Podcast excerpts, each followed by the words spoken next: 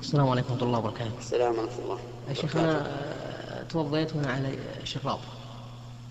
هم آه، فسخت الشراب ولبست شراب ثانيات آه، ما أدري وش يعني ما يخ- ما ما دمت على طهارتك إيه فصل لما شئت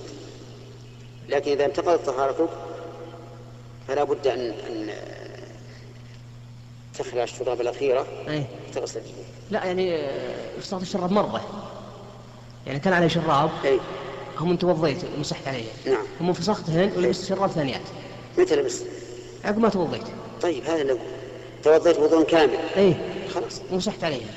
لا، مسحت ما على مسح. الشراب الأولات مسحت على الشراب الأولات إيه ثم هم فسختهم مرة يعني ما صار علي شراب زين هم اللي بس شراب غيري وأنت على وضوءك ال- اللي أنت ماسح فيه ايه أي، ما يصح يعني ما تمسح على ذوق لا بأس تبقى على طهارتك ايه تبقى على طهارتك لكن لا تمسح على هذا